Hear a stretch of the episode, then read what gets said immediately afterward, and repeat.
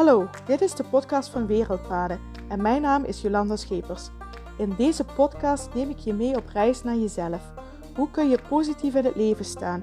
Hoe maak je jouw dromen waar en leef je vanuit je passie? Mijn passie is reizen en mijn missie is de wijsheid van deze wereld met jou delen, om jou te inspireren en bewust te maken van jezelf, de wereld en al haar bewoners, kortom van het leven zelf, zodat jij de beste versie van jezelf wordt en je gelukkigste leven leidt. Zo wordt de wereld beetje bij beetje voor iedereen een stukje mooier.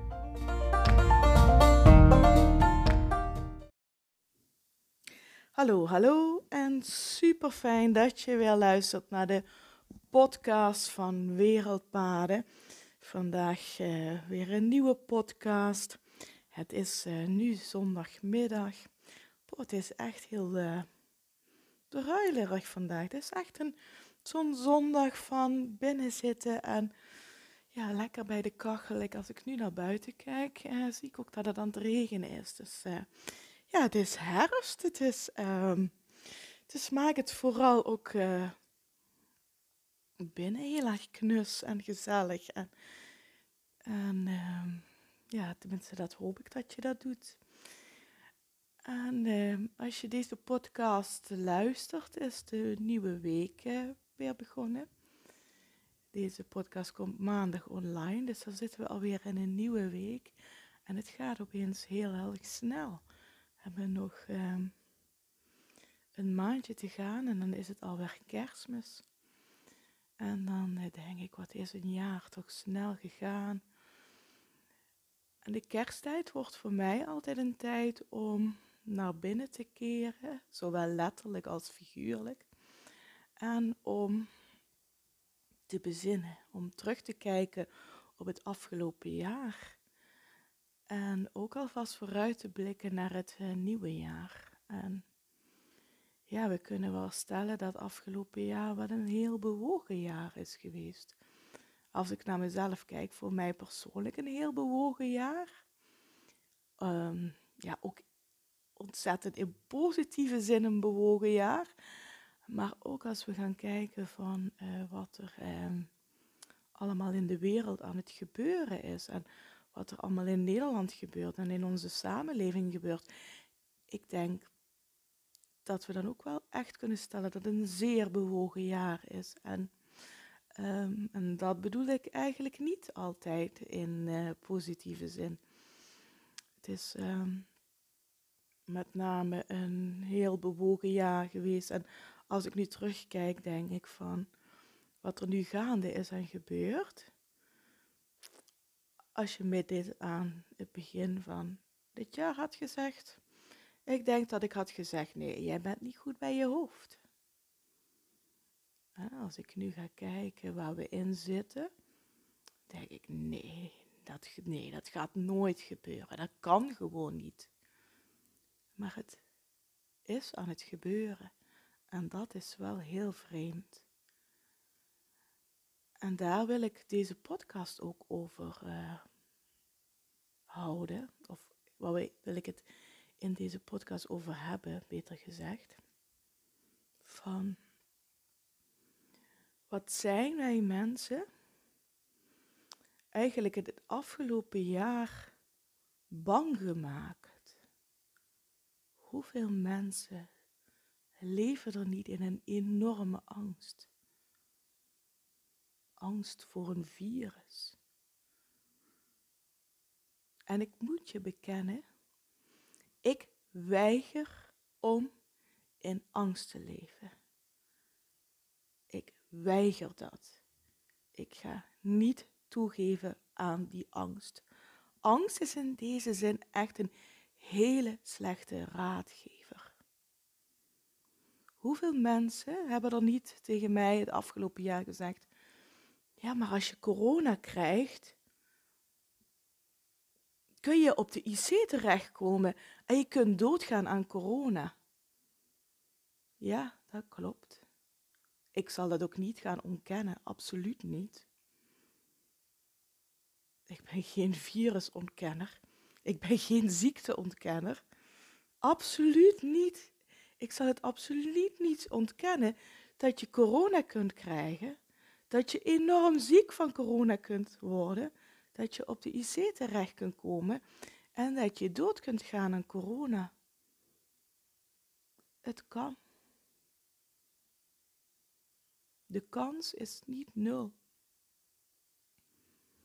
Maar betekent dat dat we dan voortdurend in angst moeten leven voor het virus? Ga eens even na naar wat er allemaal kan gebeuren. De kans is nooit nul. De kans dat je ziek wordt, of het nu corona is of welke andere ziekte. De kans dat er een ernstig ongeluk gebeurt. De kans dat er een aardbeving komt. De kans dat er een vulkaanuitbarsting komt. De kans dat er een overstroming komt. De kans dat er een vliegtuig neerstort. De kans dat er een aanslag gepleegd wordt. De kans dat, en ik kan het lijstje eindeloos blijven aanvoeren, is nooit nul. Er bestaat altijd een kans. Hoe klein die kans ook is, je kunt nooit zeggen dat die kans nul is. Maar betekent dat dat we ons de rest van ons leven in enorme angst moeten leven?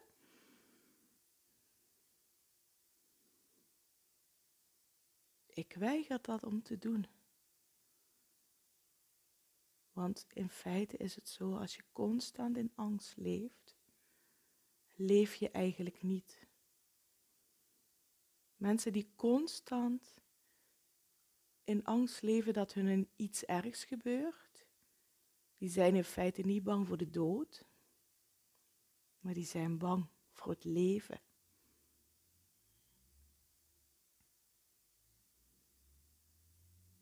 Die zijn bang om te leven. En als je constant bang bent om te leven, leef je eigenlijk niet dan vergeet je te leven. Dan wordt je leven overgenomen door de angst en kom je in een staat van overleven terecht. En misschien is dat ook wel wat we het, het afgelopen anderhalf jaar enorm hebben gezien. Mensen rennen om een mondkapje op te zetten. En ze worden boos als iemand anders te dicht bij, bij hun in de buurt komt. Mensen durven een ander niet meer te knuffelen. Durven de ander niet meer aan te raken. Worden boos als iemand geen mondkapje draagt in, het, in hun nabijzijn. Rennen als eerste om een vaccin te krijgen.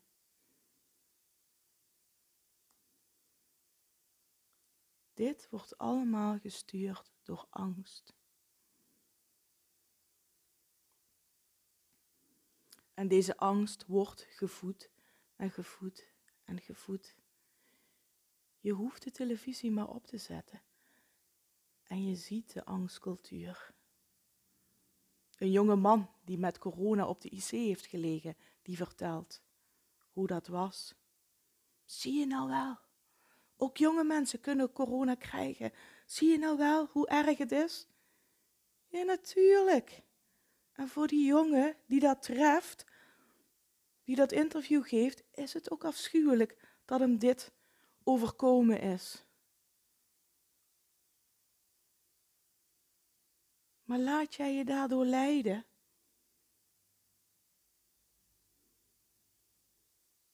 Moeten we ook alle mensen, alle interviewen die getroffen zijn door kanker, door een hartinfarct, door diabetes, door een auto-ongeluk, door een vliegtuigongeluk, door wat dan ook. Als het je persoonlijk treft, is het natuurlijk afschuwelijk. Maar dat dit getoond wordt op de televisie, is om je angst, om de mensen in angst te houden, om jouw angst groot te houden. Want nogmaals, hè, de kans is niet nul. Nooit. Voor niemand niet. En dat is wat angst doet. Angst maakt een hele, hele, hele, hele kleine kans op iets enorm groot.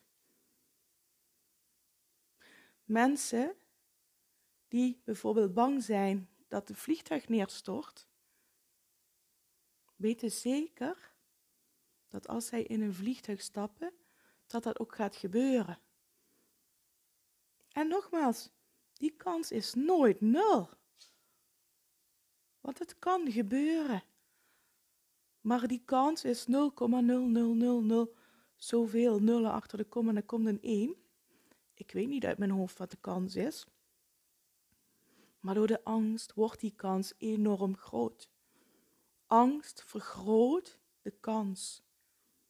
Of nee, dat zeg ik fout. Angst vergroot het beeld dat de kans veel groter is. Het vergroot niet de kans, het vergroot het beeld. Dus mensen die bang worden gemaakt dat ze op de IC terechtkomen als ze corona krijgen, daar wordt ingespeeld op die angst. en op een kans die niet nul is. Hè? Maar die kans wordt door die angst enorm. Hebben het idee dat die kans vele, vele malen groter is. Dit is eigenlijk iets wat iedere psycholoog weet hoe angst werkt en wat angst doet. Dit is ook een van de therapeutische interventies in een angstbehandeling. Je gaat kijken naar de reële kans dat iets gebeurt. Ik zal nooit tegen iemand die met angst bij mij in behandeling komt zeggen dat het niet gaat gebeuren. Want dat kan ik niet. Die kans is niet nul. Maar we gaan wel kijken, hoe groot is die kans eigenlijk reëel gezien? En dan komen we er vaak achter dat die kans waar je bang voor bent heel erg klein is, maar zo erg vergroot wordt door de angst. Want dat is nogmaals wat angst doet. En dan is het de keuze van degene die ergens bang voor is. Laat ik mij leiden door die hele, hele, hele, hele kleine kans dat het gebeurt? Of ga ik mijn aandacht richten op het positieve?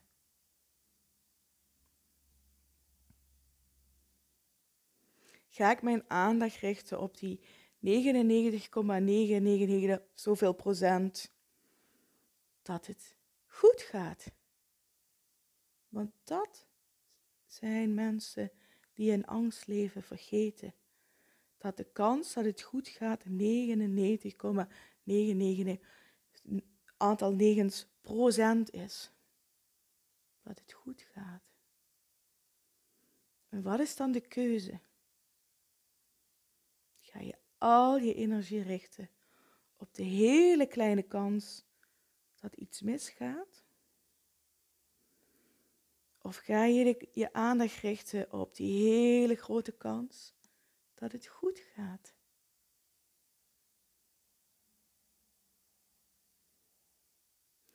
En ik denk dat als het je lukt om je aandacht te richten op het goede en het positieve, je echt leeft.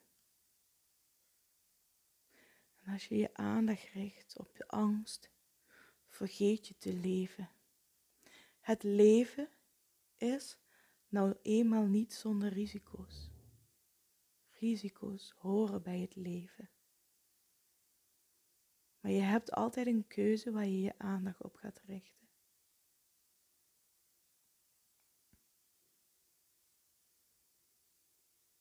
En zelfs als je beelden op televisie ziet van iemand die met COVID op de IC heeft gelegen. Want die mensen zijn er. Of zelfs een jongere die met COVID op de IC heeft gelegen. Ook dat gebeurt.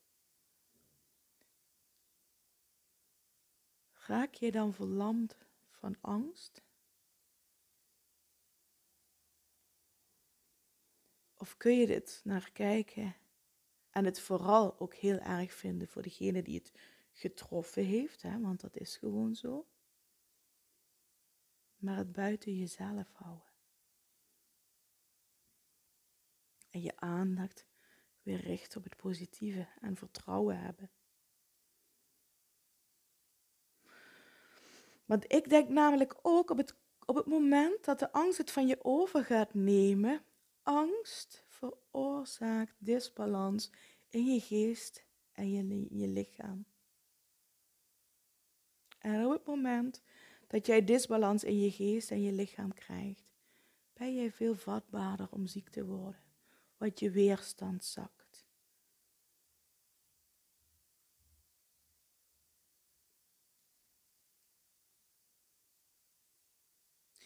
Je weerstand zakt door disbalans in je lichaam. Of, en zeker dat wordt vaak onderschat, disbalans in je geest. Wat heel veel mensen onderschatten, het, het belang van balans in je geest. Op jouw totale functioneren en ook op je lichamelijke gezondheid. Het is niet een losgekoppeld iets, geestelijke gezondheid en lichamelijke gezondheid. Het zit zo onlosmakelijk met elkaar verbonden. Dus op het moment dat jij door angst in disbalans raakt, treft jou dat ook lichamelijk. En raak je ook lichamelijk in disbalans. En als jij in disbalans bent, zowel geestelijk als lichamelijk, kan het zijn dat jouw weerstand zakt. Dus wees daar heel bewust van. Laat ik mij leiden door angst? Of durf ik te vertrouwen? En is angst dan een slechte emotie? Nee, totaal niet. Angst is eigenlijk onze signaalfunctie. Als wij geen angst zouden kennen, zouden we waarschijnlijk allemaal niet meer leven. Angst waarschuwt ons. Angst waarschuwt ons voor gevaar. Laat het alarm afgaan. Ik heb daar in een eerdere podcast van eens iets over verteld, over de werking van het brein. En angst, de signaalfunctie, alarmfunctie van angst zit in het zoogdierenbrein. We kunnen het brein onderverdelen in drie soorten brein. Reptiele brein, zoogdierenbrein, mensenbrein. Heel kort gezegd. Ehm, en als je dit heel uitgebreid wilt terugluisteren, zou ik je adviseren om nog eens de podcast uh, over angst te beluisteren. Ik heb drie podcasts gemaakt over angst. Um, is wel al een tijdje geleden. Ik weet even niet uit mijn hoofd welke nummers dat waren. Maar als je daar meer over wil weten, hoe je brein functioneert bij angst, zou ik die zeker nog een keer terugluisteren. Maar kort gezegd, het reptiele brein stuurt eigenlijk ons hele mechanisme aan, stuurt ons lichaam aan zoogdierenbrein is van de actie-reactie. Vandaar zit daar ook de signaalfunctie voor angst in. En sorry, het mensenbrein is uh, brein van het beredeneren, um, de aandachtsfocus, um, emotie en gedragsregulatie. Dat is heel kort door de bocht, zijn de drie delen van het brein. En angst zit in het zoogdierenbrein, is de signaalfunctie en waarschuwt ons ook dus voor gevaar. Maar dan hebben we het over reëel gevaar. Dan hebben we het nog over de tijd dat wij nog oermensen waren en dat wij eh, in de natuur in de bush leefden en dus daadwerkelijk ook bedreigd werden door roofdieren. Nou, het is dan maar goed dat jij een waarschuwingsmechanisme hebt, een alarmsysteem. En ehm, net zoals dieren, op het moment dat wij, uh, als dat alarmsysteem afgaat door angst, uh, onder andere door angst, um, komen wij in de vecht- of de vluchtmodus terecht. En als we op het moment dat wij denken dat wij in levensgevaar zijn, dan neemt zelfs het reptiele brein het over en dan komen we terecht in de freeze-modus. Het is eigenlijk een beschermmechanisme van ons brein, zodat wij overleven. Alles in ons brein is gemaakt om te overleven. En daar, van daaruit is angst een hele wezenlijke emotie die wij voelen. Maar angst kan ook gevoed worden. En wij kunnen ook bang gemaakt worden. En dan is het, dan waarschuwt het niet meer voor gevaar. Dan denken we dat we in gevaar zijn, maar is dat eigenlijk niet realistisch.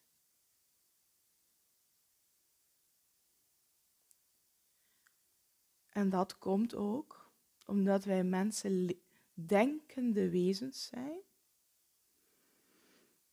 Wij kunnen denken, hebben allerlei cognities en wij kunnen ook allerlei overtuigingen krijgen waarin wij soms de draad kwijtraken in hoe groot of klein een gevaar is.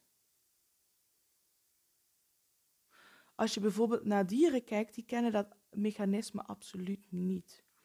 Dus die alarmfunctie van angst werkt er altijd heel primair. Ik neem wel eens het voorbeeld van een zebra op de savanne. En die zebra's die bemerken opeens dat een leeuw hun besluit. En die reageren in één keer. De flight modus en zijn er vandoor. Die angst werkt heel primair om te overleven. Maar wij mensen zijn, wij hebben een mensenbrein en uh, kunnen alles overdenken. En daarin kunnen wij ook overtuigd raken dat een, hè, dat, dat uh, een gevaar enorm groot is. En dat wordt gestuurd door die angst. Bang maken is het eigenlijk.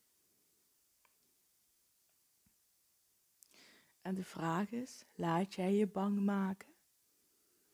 Of kun je vooral bij jezelf blijven en zeggen: nee, ik ga op het vertrouwen. Ik leef vanuit vertrouwen en ik leef niet vanuit angst. Wat nogmaals, kans dat jou iets overkomt is nooit nul. Maar laat jij je door die hele, hele kleine kans jouw hele leven verpesten. Dat zou toch zonde zijn? Dan ben je bang om te leven. En als je bang bent om te leven, vergeet je te leven. En daar wou ik hem voor vandaag bij afsluiten.